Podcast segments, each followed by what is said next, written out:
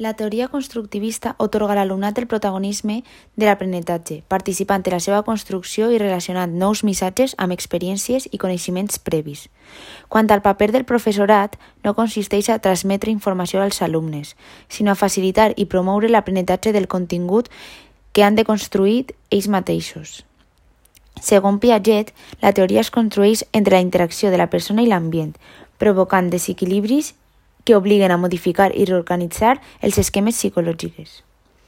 Per a Vygotsky, l'aprenentatge ha de concentrar-se en la zona del desenvolupament pròxim, és a dir, dins del marge que existeix entre el des desenvolupament real de l'individu, el, el que és capaç de fer-se sense ajuda, i el desenvolupament potencial, el que els faria amb ajuda.